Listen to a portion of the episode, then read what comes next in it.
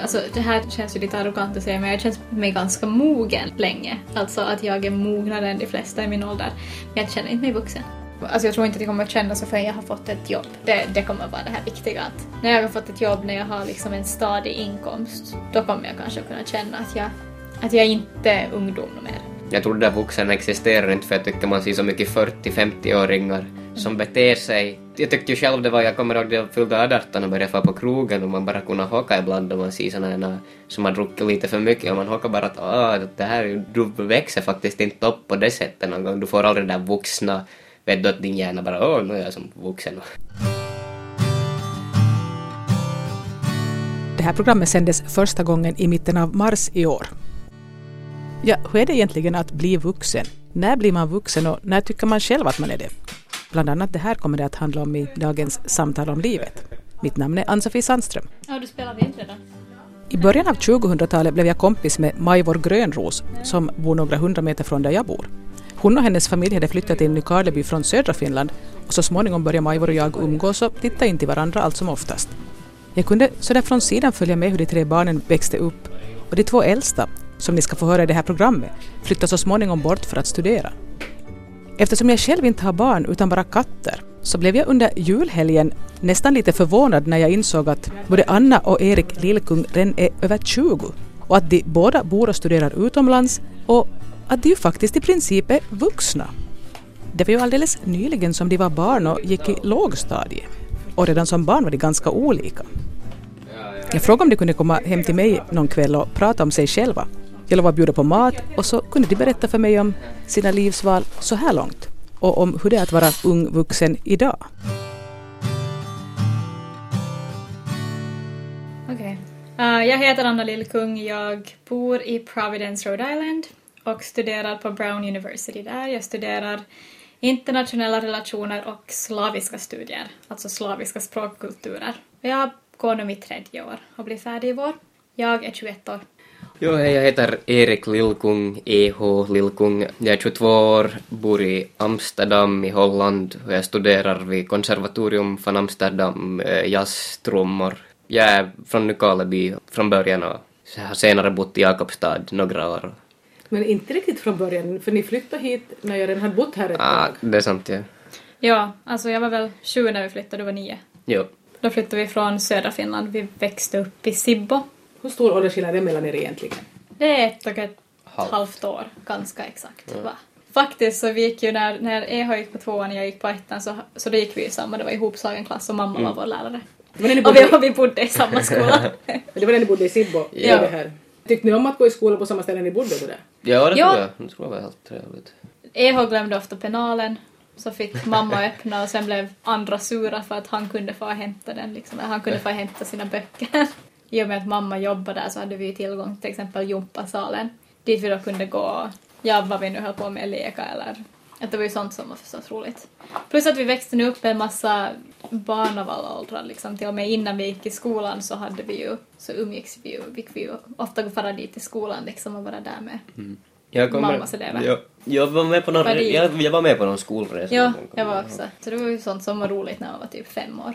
Så ni hade ganska roligt tidig uppväxt på det sättet? Ja, jag, tyck, Ja. jag tyckte om den där just eh, ettan, tvåan då man bodde där än och det var ganska roligt hus att bo i allmänhet. Sen tror jag alltså för mig, för att det var ändå så pass nära till Helsingfors, att jag till exempel får jätteofta på teater, att pappa jobbar ofta på Svenska Teatern. Och jag tror mitt rekord var att se Topelius skådespelet nio gånger. Oho. För det var liksom, jag var fem år, det var inget, det var ju helt roligt att bara gå och se på teater. Och det var ju sånt som jag sen kanske liksom faktiskt, jag kommer ihåg att jag reagerade på det när man flyttade hit. Att det var ju fastän vi bodde på landet så vi hade ju ändå tillgång till allt sånt som, som finns i en storstad. Jag minns ju det att jag blev ju kompis med er mamma ungefär när ni hade bott här några år redan. Och då minns jag att åtminstone Anna hon var nog ganska högljutt emot Nykarleby. Hon var nog liksom, hon beklagade sig ofta. Jag vet inte, jag hörde inte EH lika mycket, jag vet inte, han kanske bara lider i tysthet, jag vet inte. Nej, jag tror inte jag brydde mig alls. Så du, hade inte du tyckte inte det var något att flytta liksom från, inte då åtminstone. Ja, men så du liksom fann det ganska bra att komma till Nykarleby när ni flyttade hit då? När ja var nio. nio? Ja, nu hade jag ju heller svårt att liksom, nu fick jag ju kompisar här, jag kände ju grann, grannen också hur bra som helst från tidigare när, när farmor och farfar bodde i vårt hus. Men Men jag, alltså jag tror ju att jag var, jag, var ganska, alltså jag var ganska tidigt ambitiös, helt enkelt. Och liksom också det här... Ja, men det var, det var mycket sånt som jag, bara kände att det fanns, det fanns ingenting här. Sen att jag kanske hade kontakt med just Nina i Sibbo, så det gjorde ju också att, att jag hade henne att jämföra med hela tiden. Att hon kunde säga då att ja, nu sökte jag till liksom det här och det här musikprogrammet i Helsingfors. Mm. musikalprogram. Och typ tioåriga jag var jätteavundsjuk. För att här fanns det ingenting sånt. Sen en annan grej förstås det här med att komma hit, att vi kom från Alltså som vi växte upp och sen också skolan. Alltså, jag kommer ihåg att jag reagerade mot att folk var ganska... Jag tyckte att folk var elaka här. Det var inte nu elaka elaka men det var liksom mycket spel som pågick liksom också bland i skolan mycket så här flick, flickproblem att jaha, vad tycker du om henne då, eller vad tycker du om den personen? Det var jag var inte van vid sånt. Jag vet inte varför jag inte var van vid sånt. Nu tror jag att det finns också i södra Finland. Kanske du inte började notera det? Nej, du det, noterade det, när du kom till ett nytt ställe? Det, det, kan vara. Men sen också kanske det att vi kom, vi hade ju faktiskt vuxit upp så mycket med just körer och samlingar och andra barn och liksom att umgås i stora grupper. Och sen kom man hit och så fanns inte det fanns inte alls någon sorts liksom, den, den sortens samhörighet, utan mm. det var då vi där hemma. Jag tror sånt påverkar också ganska mycket, att jag var sådär. Det var faktiskt då en grej att när jag kom hit, jag kommer ihåg att jag kom med mina egna idéer då om att ja men på rasterna i Sibbo då gjorde vi det här och det här och det här. Och då sa ja men vi bryr oss inte vad ni gjorde i Sibbo.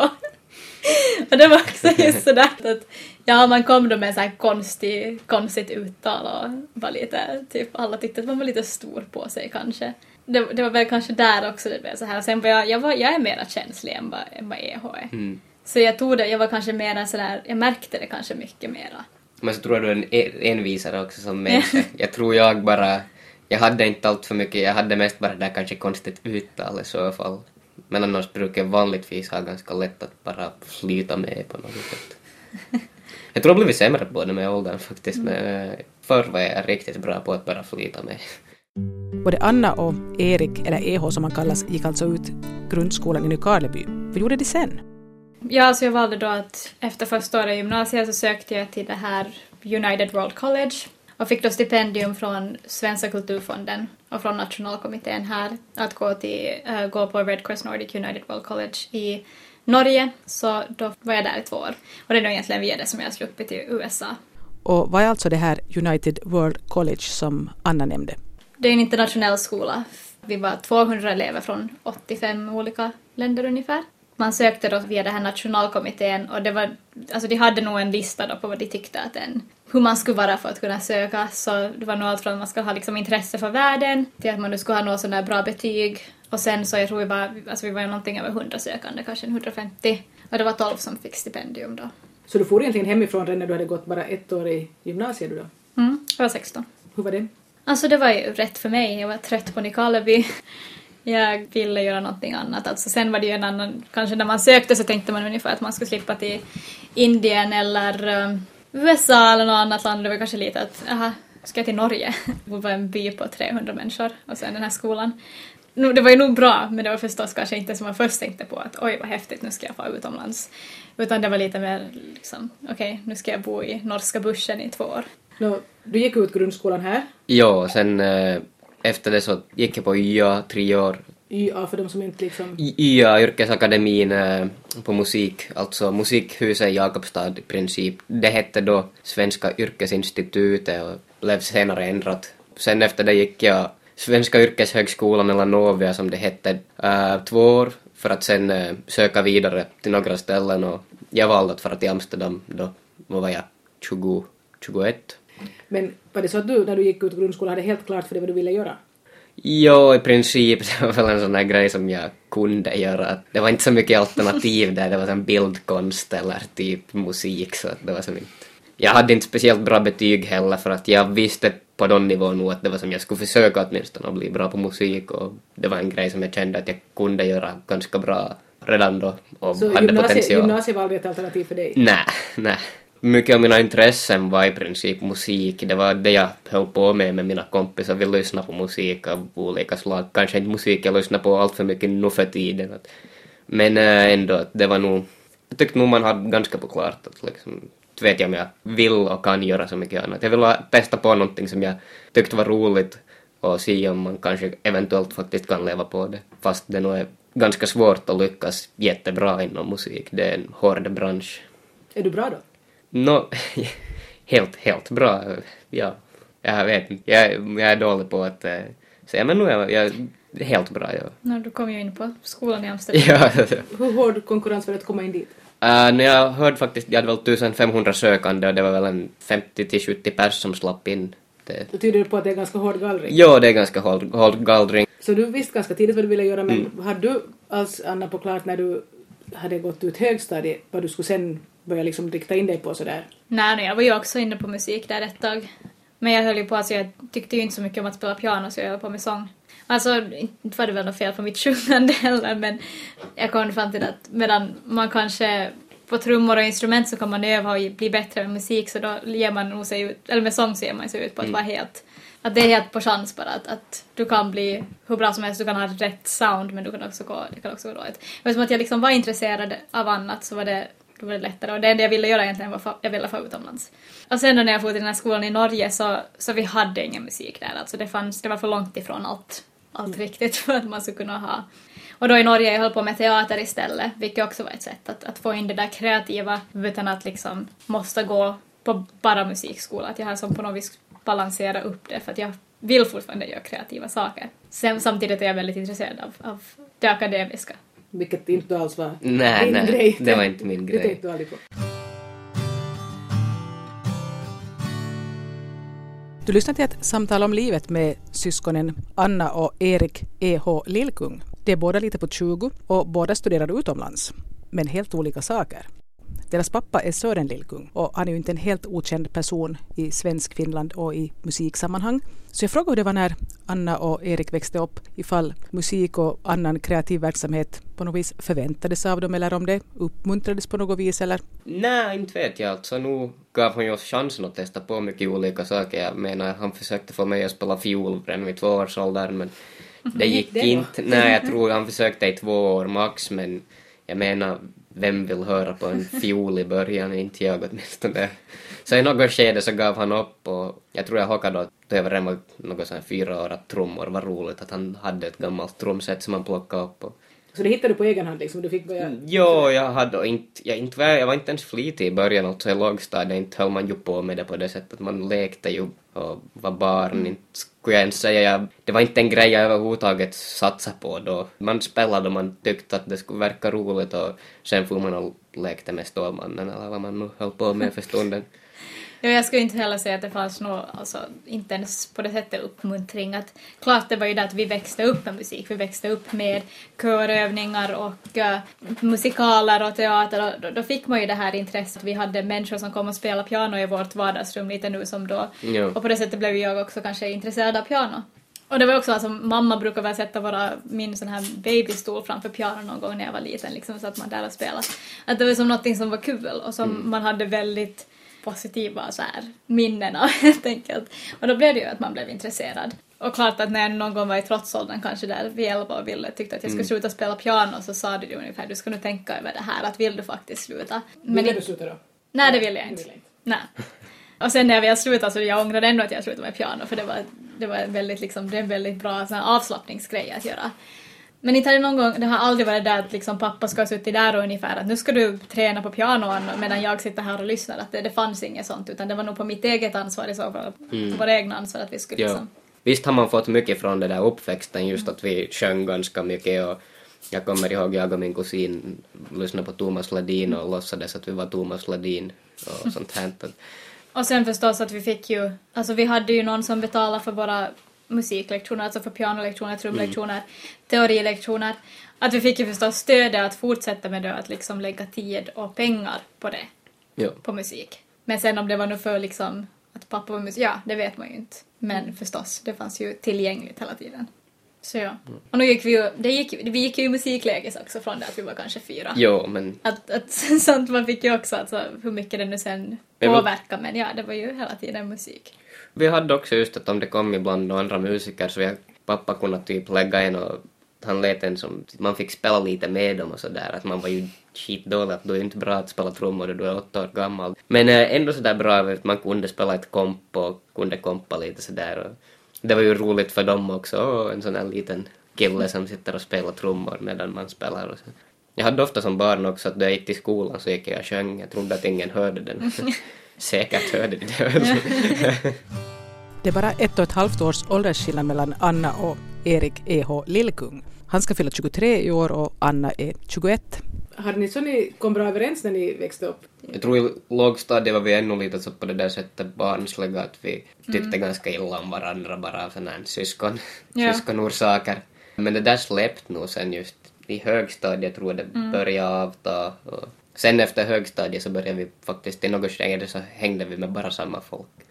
Och vi är ju också, vi gick ju som sagt, du var på årskursen efter mig så vi var ganska jämn ålder också. Jag skulle säga vår brorsa så har vi kanske varit Nå inte mest elak och inte det var det sättet, men eh, vi har kanske haft minst kompisrelation med honom för han är ju faktiskt sex år efter också, att han var alltid den lillen. Ja, nej, när vi växte upp så vi hade ju ändå faktiskt bara... Vi umgicks ju nog mest med varandra bara liksom när vi var... Ja, det var riktigt och lekte mycket liksom. Ja. Och, och det var ju kanske det man inte gjorde med Emil på samma sätt, för, alltså lillebror. För att han... Det här var ju mycket Ja, yngre. det var ju nog mycket mer att man skulle ta hänsyn till Emil. Det var ju inte så att jag skulle liksom klösa honom som jag gjorde med EH. Jag tror faktiskt du vann den gången. Nej, inte varenda gång, men det var, no- det var någon Vad kunde gång. ni bråka om för någonting? Ingen aning. Troligen något helt sånt där. Under, under den här tiden vi var i Nykarleby så, så var det nog mycket EHs trummande faktiskt som Ja, det är sant. Det. Men nu var det ju andra grejer också. Jag tror det var en... Jag tror vi båda var envisa när det kom till att var, tala med varandra för att vi hade just den där syskongrejen. Så att eh, jag tror det var ingen som ville riktigt backa då det kom ett argument. Nej, sen fanns det inte heller att så, jag vet inte, kanske det är för att vi växte, för att vi just är så nära, att det fanns inte där tydliga liksom, du är, du är äldre, alltså, Nej, nej, det var inte så att EH bestämde det på det sättet. det var, jag var starkare men Ja. du spelade mer fult helt enkelt. Jag visste aldrig vad som skulle hända. Lite så. Lite gradig. Jag minns faktiskt när ni var ännu ganska mycket mindre och ibland tyckte jag att hon lite uppförde sig som stora syster fast hon inte var på något vis tillrättavisad. det kan nog hända, det kan nog Och du liksom bara, du tog det. Ja, ja. Det verkar inte som du skulle ha... Det finns ju en risk att jag också bara ignorerade som mycket grejer att liksom, nåja, låt henne Är det tala ditt sätt på att det hantera saker som inte Ja, tyvärr ibland, ja. Istället för att bli sur och irriterad så tar jag bara och stänger av mina öron och går vidare.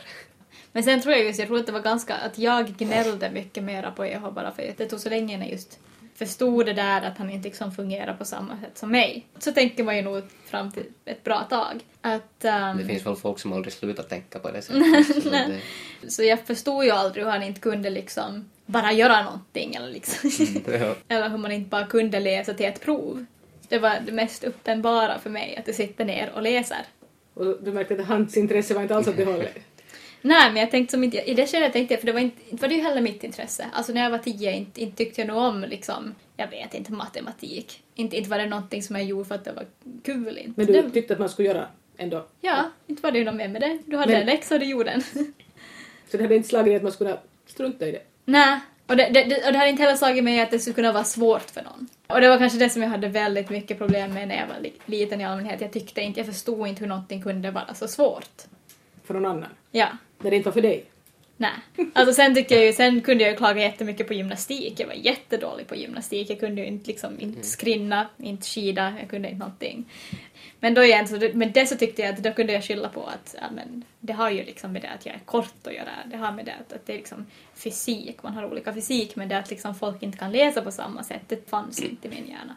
Men det är också alltså en grej med skolsystemet. Det, det är ju väldigt mycket det här att man ska göra de här samma sakerna och att det är inte liksom individuell värdering alls. Vilket är både bra och dåligt. Men Jo, det tror jag faktiskt var en grej varför jag aldrig riktigt heller tyckte om det där, att det är som en fabrik av barn som kommer upp. Det var ju inte motiverande någon gång. Jag är ju en sån som alltid måste göra grejer av det skälet att det är roligt. Att jag måste ha kul konstant. Jag klarar inte av att ha tråkigt. Med det menar inte att jag måste fara ut och träffa folk hela tiden, det är inte det. Men jag behöver göra någonting, någonting som jag tycker att är kul. Att Ja, som du själv tycker. det är. Ja, för om jag nu läser en, någonting som är roligt eller om jag ser på en film som är rolig eller om jag spelar dataspel som är roliga. Det, bara det är roligt och jag har ju mina e- egna värderingar av vad som är roligt. Men jag har jättesvårt att lära mig grejer också om jag inte tycker att det är intressant och inte roligt. Så det måste Det vara fastnar intressant och roligt. Då du då, det. då liksom limmar jag in allting i mitt huvud men så länge det är liksom om någon fågel som jag inte någon gång kommer, jag ska skriva om en fågel som jag inte liksom någon gång kommer att ha någonting att göra med på nytt. Så det kommer bara inte att, jag kommer inte att ta reda på den här infon så lätt att jag kan sitta och läsa mycket av den men ingenting kommer att fastna, det kommer att vara som förlorad tid i Och slutet. du tänkte inte heller att okej, jag måste göra det här nu för att få jättebra betyg för att kunna söka någon annanstans? Nej. Men när de då insåg att ni var olika, var det svårt att acceptera att okej, att han kanske inte har så lätt för sånt att... Nej, alltså det, det, det var ju ett skede där i, i högstadiet när jag var lite orolig att, att inte jag skulle slippa in någonstans. Det, det är sådär att jag inte minns att du var sådär stora systerligt bekymrad över din stora bror. så, ja, ja. så var jag. Men det släppte, ja, no, inte kanske förrän sen någon gång i gymnasiet. För det tog ju ett tag innan jag också liksom faktiskt hittade det han ville satsa på inom trummande också. Jo, på ett sätt jo, men det var... Jag tror det var också, jag fick aldrig riktigt chansen att göra det i högstadiet. Jag skulle säga faktiskt att jag ut, har utvecklats mycket mer under den tiden då jag faktiskt har fått göra musik. Så från 16 års åldern uppåt så öppnades en helt ny värld upp där skolan inte nödvändigtvis behövde vara någonting som du måste göra och alla måste göra det och du lär dig det här samma sak från den här boken och du ska, alla ska göra det här samma sak. Det som, det tilltalade mig aldrig, jag tyckte det alltid var någonting man måste göra, det var aldrig intressant och roligt på det sättet och jag vet inte, eh, men sen ja, i och med att man fick lite mer ansvar själv och du måste jag tror det tog ett år där jag började studera musik som jag ännu var ganska lite i den här gamla mentaliteten att jag bara satt och väntade att folk skulle ge mig grejer att göra. Men efter ett tag så okej, att oj, inte ge folk mig det något mer, att de klagar sen bara då inte jag har gjort någonting, att vad gör du här om du inte liksom gör någonting. Och i och med det så blev det också roligt för jag började göra mera och blev bättre på vad jag höll och för första gången tror jag också jag var ganska bra på någonting liksom som jag höll på med till skillnad från högstadiet där jag var dålig på allt nästan. Musik och bildkonst hade jag väl helt bra betyg i och Och resten? Nå, det var sådär så jag klarade mig sex år och sju år. Inte, inte faktiskt så dåligt, jag hade aldrig, jag klarade mig men det var ju mycket kämpande och min mor speciellt som princip hade mig att läsa in till de där proven så att jag helst skulle klara mig med en sexa, sjua liksom. Nu först, här, i och med att jag for till Amsterdam där det faktiskt är höga krav på allt du gör, så har jag riktigt måste ta som ännu skärpa mig en ribba till. Du måste arbeta hårt med alla kurser. Misslyckas du så får jag bara problem ekonomiskt i princip så att man har konstant det i bakhuvudet istället. Vilket ju kickar en i röven lite för man vill ju inte misslyckas bara för att man inte får det att gå runt vet du, på grund av såna grejer. Det är bara men du är andra året där nu? jag andra Hur lång, året. hur lång utbildning är det? Fyra år. Jag nog funderar eventuellt på att göra något utbyte också. Se lite andra ställen men eh, man får se lite hur det går också. Anna berättade här tidigare att hon studerar vid Brown University i USA. Anna, när började det klarna för dig vad du egentligen vill göra? Har det klarnat ännu? Alltså, Du hade ju så hemskt många olika saker du kunde tänka dig. så är det ju lite ännu. Men det är nog också bara för att jag, när jag nu slutligen valde att studera internationella relationer och slaviska studier så alltså, det är ju fortfarande väldigt brett. Alltså det enda jag gör är internationella relationer med en fokusering på Östeuropa ungefär. Att det är det som min examen betyder och vad är nu det? Det är inget yrke egentligen. Och sen så alltså förstås Brown University är ju känt för att det har ett liksom ett öppet sån här curriculum heter det. Alltså det vill säga att du har inga obligatoriska kurser. Du får själv plocka ihop en egen... Japp. Och då blir det ju till det att liksom också på universitetsnivå så har jag studerat allt från, från ja då ryska till film till feministisk teori. Så fortfarande har jag ju en hel del alltså möjligheter. Och så länge som man har möjligheter så är det ju lite svårt att, att faktiskt bestämma. Och då har jag ju förstås valt det här då, alltså mycket med, eller att jag håller på med politik, studerar politik. Och nu är det ju det jag fortsätter med alltså. Sen på vilket sätt jag vill fortsätta inom internationell politik, det är en annan sak, det vet jag inte. Jag menar nu är det ju, alltså det är jättesvårt att säga vad man får jobb i den här ekonomin också. Att det blir ju att se bara. Men du har studerat snabbare än normalt. Mm. Ja, det här var också en fyraårig utbildning egentligen och jag gjorde jag fick den färdig, jag får den färdig nu på tre år. Men det är också så jag tycker att, att för det enda jag får egentligen är ju en kandidatexamen. Det gör man på Finland i tre år så varför skulle inte jag kunna göra den på tre år? Det är ju det som är grejen med mig, att jag har ändå den där kreativa sidan och jag vill på något vis spara den kreativa sidan. Samtidigt som jag just gärna håller på med det här mera äkta världen, politik. Ja. Och det är ju där som det blir svårt att hur ska jag på något vis hitta ett yrke där jag kan balansera de här två. För jag tror att jag måste hitta någonting sånt. För att inte jag själv ska bli totalt uttråkad och bitter. Så ni har både det här att ni, ni måste tycka att det ni gör är intressant och roligt, men att du har kanske lite bredare vad allt du tycker är intressant och roligt, medan du kanske har lite Mm. specialiserat den från början. Ja, men jag har faktiskt öppnat upp mera. Men då igen så är ju marknaden i mycket av det jag vill göra ganska hård faktiskt av någon anledning. Jag vet inte varför. Men Men vad vill du riktigt göra då? No, bäst om jag, man, jag kan leva på det jag tycker att är roligt att spela, vilket ju är jazz, musik, mm, kanske mer experimentellt vanligtvis och också free jazz. Och, men inte jag... Det är sånt där du, om du får bra kontakter och bor på ett större ställe så kan du leva på det och du är inte rik men du kan ha Du en, på du kan ha en liten lägenhet och du har mat på bordet. Ja. Det går inte att göra i småstäder, vilket ju, för det finns ingen som, det finns ingen marknad för sånt där. Eller kan Äh. ni tänka dig att kompromissa och spela någonting annat som Jo, brödföda? jo, nu kan jag liksom också, det är ju som en grej men eh, jag vet inte, det, det är svårt att lägga en stämpel på det. Jag vet då jag gör det liksom vad jag vill göra. Jag har ju till och med vissa bra band här som jag tycker om att spela med som inte alls är jazz och, och jag kan nog tänka mig att göra sånt också men det måste vara roligt. Jag orkar bara inte jag har inte studerat så här mycket musik för att spela Bon Jovi covergigs, vet du, vid något O'Malley's i Vasa. Det är som inte... Det låter lite så här krantigt och sådär men jag, då kan jag lika bra göra städarbete på något sätt. Det, det här är någonting jag faktiskt hakar senare men det är lite... Det gör ju inte det lättare på det sättet men vet du, man har studerat så där mycket för att kanske lyckas göra det man faktiskt tycker att är roligt inom musik också för det är ju... Jag skulle gärna- vilja ta sådana just som du sa städjobb eller något helt annat jobb som... Jo, faktiskt, jag skulle gärna kunna ta något sånt. Nu skulle jag kunna, jag tror jag har kommit till den där åldern då jag börjar inse att hej, nu skulle jag faktiskt kunna börja ta något sånt där bara för att få lite lugna ner mig och få ha någon inkomst och sådär. Det var ju enklare här för jag hade ju ganska bra betalda kejkor. Jag behöver inte ens ha så många så kunde alla vara helt bra på det för här så är vi, vi har sjukt bra löner här för, För musiker då? Ja, för musiker faktiskt. Jag har aldrig faktiskt brytt mig om att bli en jätterik människa. Jag bryr mig inte om materiella grejer på det sättet. Det har inte intresserat mig. Jag har faktiskt aldrig sett den poängen. Det har vi faktiskt från barndom redan haft stor skillnad. Jag vill ha möjlighet att ha några få grejer som jag tycker om att göra. Och jag lägger mina pengar fokuserade på det. Och sen är jag nöjd liksom. Sen kan jag leva på Medan du alltid var liksom redan från barn att du undrade varför mamma och pappa hade en gammal Volvo då du ville ha en sån där fin bil med taklucka och allt möjligt.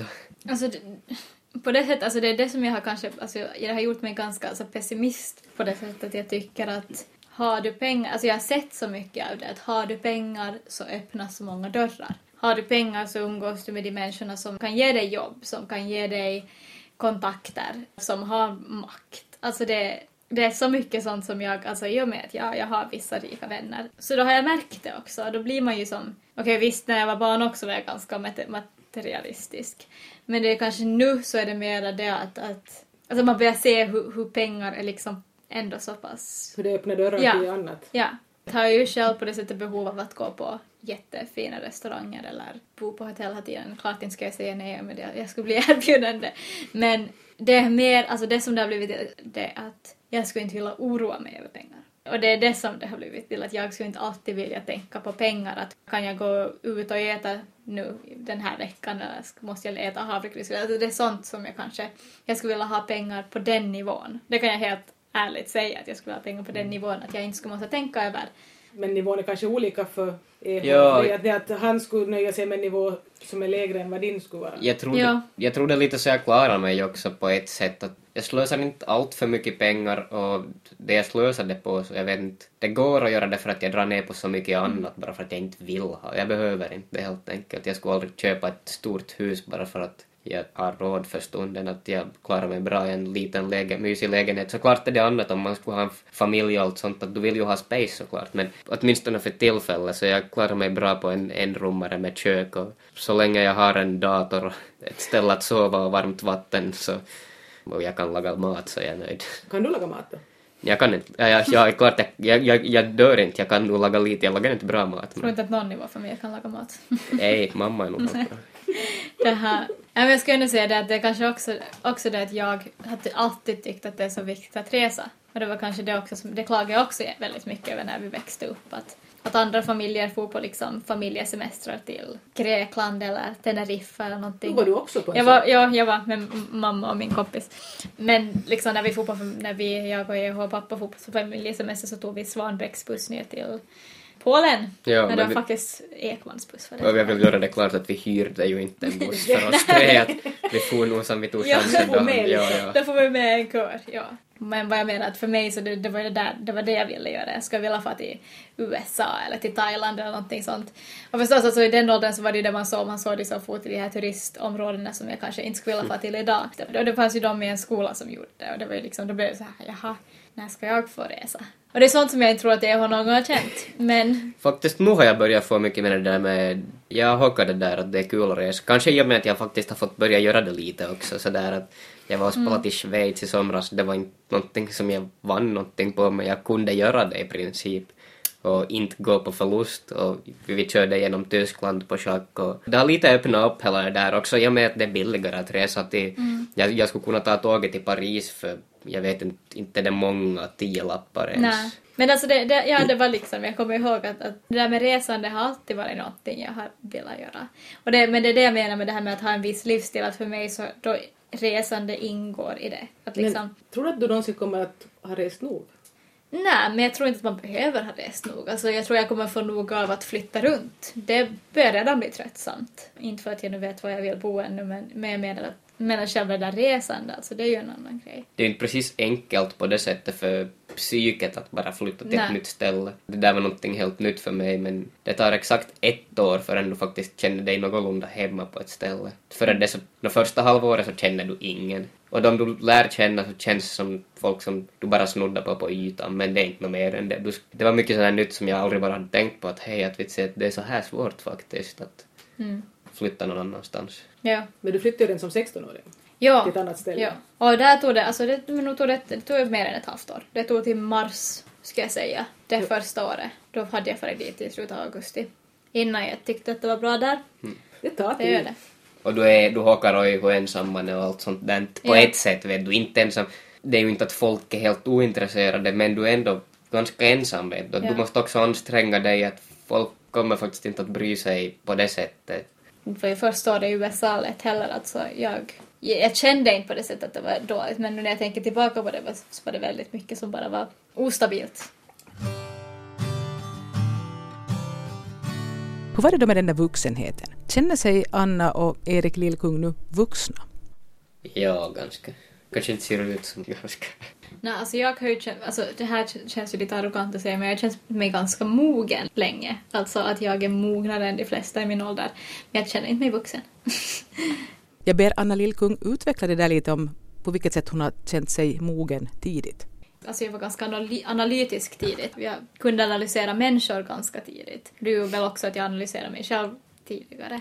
Men sen vet jag sen, alltså förstås att man flyttar, att jag flyttade som 16-åring gjorde väl också att jag bara växte upp. Men ehm, det att jag har studerat i USA har gjort att jag har väldigt svårt att känna mig vuxen. För att vad gäller ekonomi och sånt så är man ju, så är jag ännu ändå beroende, mer eller mindre, på släkt och familj. För det måste. Finansiering Mm av studierna, ja just så. alla mina kompisars föräldrar, alltså fastän de är äldre än mig, så, så de ger liksom sina barn pengar eller saker och sånt. Att det är liksom på en annan nivå där. Men det är väldigt svårt att känna sig vuxen när man inte har jobb. Ja. Mm, mm. Och också kanske när jag inte har ett hem. Jag känner att jag är väldigt rotlös ännu och då blir det ju det att jag ser på mitt hem som hemma här i Nykarleby. Det har ju också något att göra med vad man har för klassisk bild av vuxenhet. Att det är när man har sin egen lägenhet någonstans. Ja, jag tycker man känner sig vuxen på det sättet att man har bott hemifrån och bott för sig själv ganska länge. Men eh, jag tror det där vuxen existerar inte för jag tycker man ser så mycket 40-50-åringar som beter sig eller jag, jag tyckte ju själv det var, jag kommer ihåg när jag fyllde 18 och började få på krogen och man bara kunde hocka ibland och man ser här som har druckit lite för mycket och man hockar bara att ah, det här det, du växer faktiskt inte upp på det sättet någon gång. Du får aldrig det där vuxna, vet du att din hjärna bara åh, nu är jag som vuxen.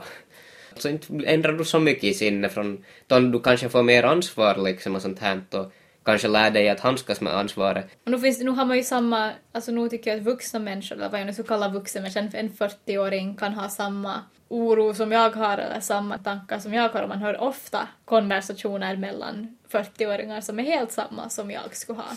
Mm. Att, ja, det har jag också märkt, att inte blir man väl. Alltså, egentligen tror jag inte att det kommer komma ett ögonblick när jag kommer bara tänka att nu är jag vuxen. Utan jag tror det kommer komma delmoment när man kanske känner att man har uppnått någonting. Men inte där att det blir någon sån här slutgiltig punkt när man bara nu växte jag upp.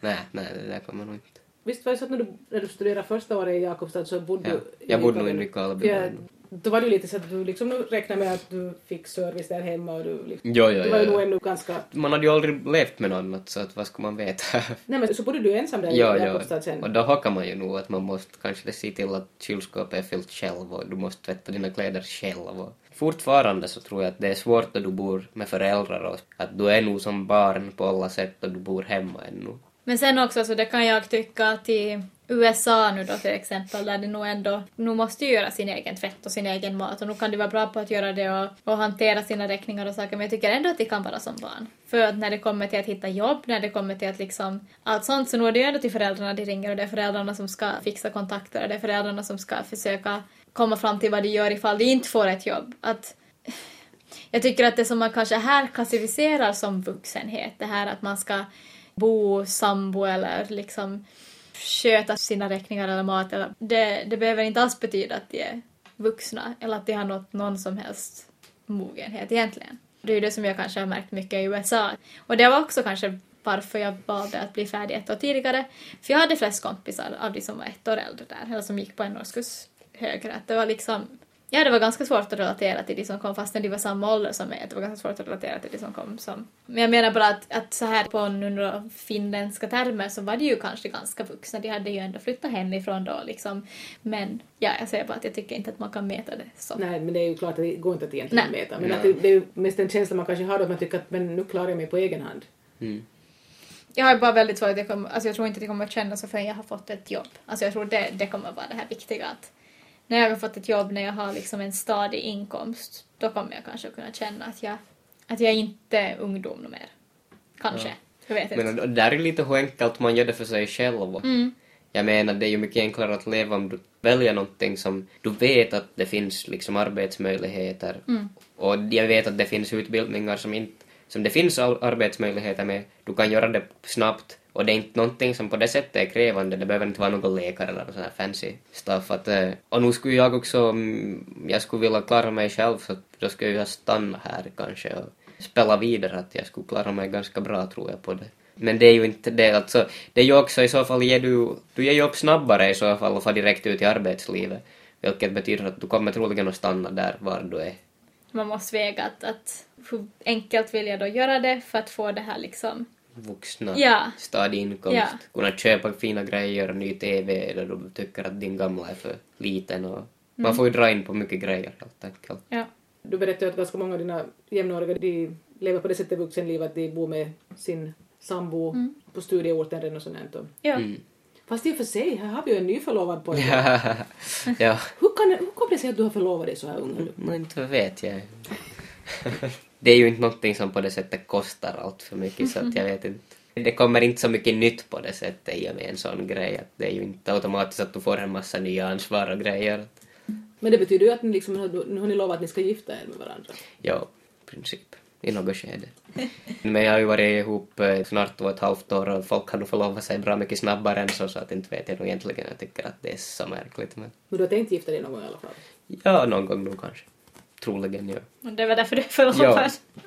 Men ni får tillsammans till, Ja. till Amsterdam och så Ja. att ni bor ihop där. Ja, Så på det sättet lever du ju nog ett sorts vuxenliv. lite grann, ja. På ett sätt, men på ett sätt inte alls. Men det är nog alltså i synnerhet när man, för det har jag nog tänkt flera gånger, alltså inte nog att jag skulle måste ha en pojkvän men en, alltså att komma med med en kompis, alltså ska man nog ha någon som man flyttar med utomlands, eller som man gör sådana här projekt med, då skulle det vara mycket enklare. Så, så är det ju, eller det skulle vara mycket, Det vill jag inte påstå heller. Det kommer problem som inte du känner till Ja. bara. Men, eh, ja. men jag menar kanske mer om Men, man faktiskt men gör projekt kompis, tillsammans. komp, ja. kompis som inte du bor ihop med kanske det...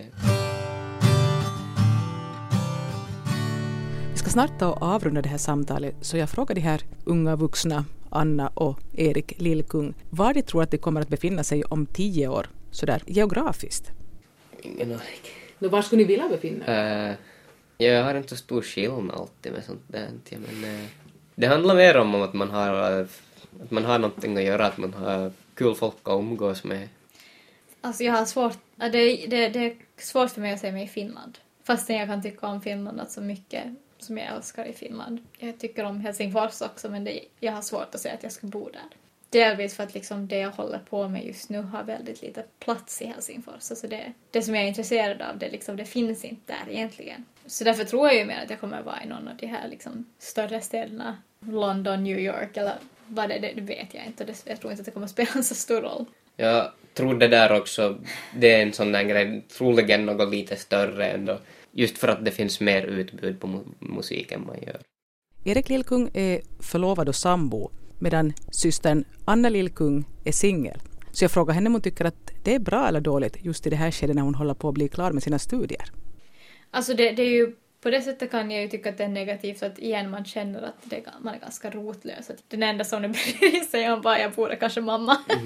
Du har Tove som, Ja, liksom, ja. som ni är tillsammans, ni kan skapa ett hem lite vad som helst men jag känner att jag är så här.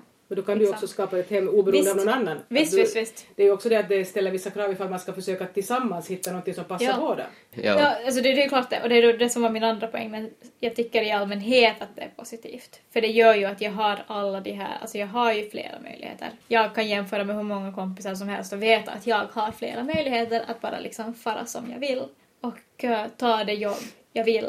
Och, och det är också väldigt skönt. Jag tror att för, min, för mig just nu så skulle det också vara väldigt svårt att vara bunden Hur ser då Anna och Erik på det här med förhållanden och äktenskap? Är det så att man binder sig en gång och så väntar man sig att det ska hålla för evigt? Ja, jag har förr haft en helt annan åsikt, men det var ju också för att jag tycker att mycket folk är lite jobbiga.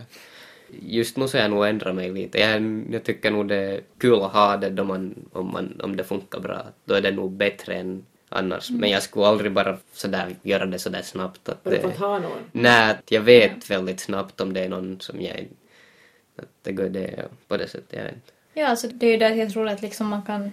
Ja, men det beror väldigt mycket på personlighet och liksom vad man har för ambitioner och vad man är i för tillfälle i livet. Och jag, tror, jag tror att jag är... Ja, men jag kräver lite mer av livet än vad EH gör, tror jag. Ja, jag kan nog... Och då, då blir det... Men då, ja, men då blir det ju också jag kanske kräver mer av människorna. Kräver mer av människorna runt mig också jag, jag stressar inte det där allt för mycket då, just giftermål och sånt där. Men man satsar ju nog på att det ska liksom köras så långt som möjligt. liksom. Gärna, till slutet. Alltså på ett sätt så kan jag ju se det att jag har lite samma tendens som pappa, att jag vill jobba mycket, göra mycket. Och jag upptäck, alltså han upptäckte det ganska sent, vilket ju, det är ju okej. Men det är kanske därför jag också inte skulle vara lika snabb på att gifta mig. Inte för att det var dåligt heller, men bara för att, för att det är kanske lättare för en själv om man kan vara så ambitiös som man vill vara utan att vara bunden till någonting. Jo. Så ni tror i alla fall på att äktenskap kan funka? Jo. Bra. Jo, jag har nog ha- haft Ja. andra åsikter men jag, jag tror nog ändå. Jag har nog sett såna par som det funkar för. Jag känner också, har kompisar vars föräldrar verkar vara olyckliga som helst. Och, Men alltså det är ju som sagt att, att alltså med rätt tidpunkt, med rätt liksom. Mm. Men kanske, kanske här så finns det en liten tendens att, att, att i brist på annat skynda sig lite för mycket. Alltså i Österbotten i Ja. allmänhet. Hur ser Anna och Erik Lillkung på framtiden då, sådär i stort? Ah. ja, no, det vet jag ju inte. Jag kan ju tycka att det ser lite mörkt ut kanske sådär för människor överlag ibland. Men uh, nog tror jag det kommer att ordna sig. sådär för min, min egen, vad jag sysslar med så nu ser jag ändå helt ljust på det. Menar det, det är nog någonting som går helt bra ändå. Världen må gå under men du trummar på det. Ja, jag trummar på er. Alltså jag, jag har ju kanske blivit lite snobb, sådär pessimist-snobb under de sista åren. Att jag tycker att det jag gör går väldigt bra. Jag tycker att jag själv har utvecklats jättemycket liksom professionellt och akademiskt. Men sen så tycker jag inte att, att det kanske värderas så mycket i världen i allmänhet. Att det som värderas är... Ja, jag vet inte riktigt. Alltså vad gäller jobb och sånt så är det ju nog det här att man ska som, göra allting... Alltså man ska ju nästan vara lite brain dead när, i dagens värld för att liksom få jobb och lyckas och allting. För det är som ett sånt, sånt system som man bara ska fungera i. Men lyckas, menar du då att man lyckas få ett jättebra jobb och jättebra betalt eller lyckas göra något som man... Alltså både lyckas kanske alltså ha någon sorts influens, alltså att man påverkar också för det så alltså, jag vet inte, det verkar som att, att dagens värld är kanske lite oemottaglig. Jag tycker det är det kanske som är farligast, att äh, människor är väldigt ignoranta om hur Mm. mycket dåligt sprider sig just nu, till exempel Europakrisen. Och här så verkar det som att inte vi skulle veta exakt hur dåligt det är för att vi inte ser det, medan folk från Spanien talar om exakt hur dåligt det är för att de ser det och de är rädda för att folk börjar vara utan mat och då folk blir utan mat, det blir ganska spänt liksom. De börjar gå ut på och de blir arga. Och jag tror det är lite det, det som är problemet med människor just nu, att vi är som, så ignoranta mot hur dåligt vi som verkar ställa det för oss själva på ett sätt. Och, och det är ju där jag menar också med att det, det är där det blir stopp med den förändring också. Att när vi ska hålla det som det har varit nu, vi ska bara liksom se till att allting blir som det var för liksom några år sedan och så ska vi fortsätta som det har hållit på. Det är det här som är kanske att, att när det sen börjar komma kritiska röster mot det också så, så stängs människors öron, hjärnor, allting och de vill inte höra. Och det är kanske det jag menar med att jag vet inte hur, ljus jag ser på framtiden som en person som, som har åsikter och som vill ha förändring. Och det, det ja. Ni hörde syskonen Anna och Erik E.H. Lillkung i ett samtal om livet som spelades in när de senast båda var på samma ställe, i Nykarleby under julhelgen. Sen programmet sändes första gången har Anna blivit klar med sina studier vid Brown University och i sommar jobbar hon i Kalifornien på Monterey Institute där hon forskar kring nedrustning av kärnvapen. Erik har vistats i Jakobstad i sommar och till hösten fortsätter hans musikstudier i Amsterdam. Mitt namn är Ann-Sofie Sandström.